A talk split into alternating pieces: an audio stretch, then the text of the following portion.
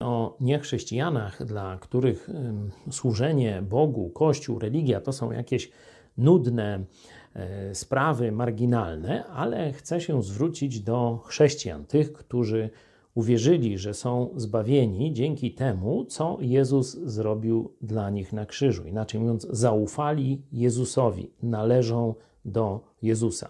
Zobaczcie, że już z tych określeń należą, są zbawieni, mają życie wieczne, jest no, powód do radości. Gdyby człowiek to rozumiał, to by cały czas e, skakał, śpiewał i się radował. A niestety, patrząc na swoje życie często i na innych chrześcijan, widzę, że często no, e, idziemy do naszych chrześcijańskich zadań skwaszeni, tam gdzieś melancholijni, smutni i tak dalej, i tak dalej.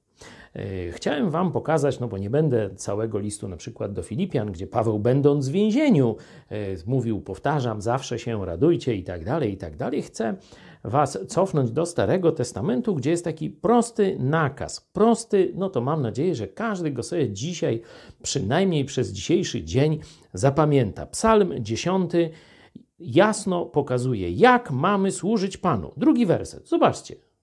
Mogę dać Wam chwilę czasu, żebyście sami sobie otworzyli, jeśli macie Biblię. Jak mamy służyć Panu? Służcie Panu z radością.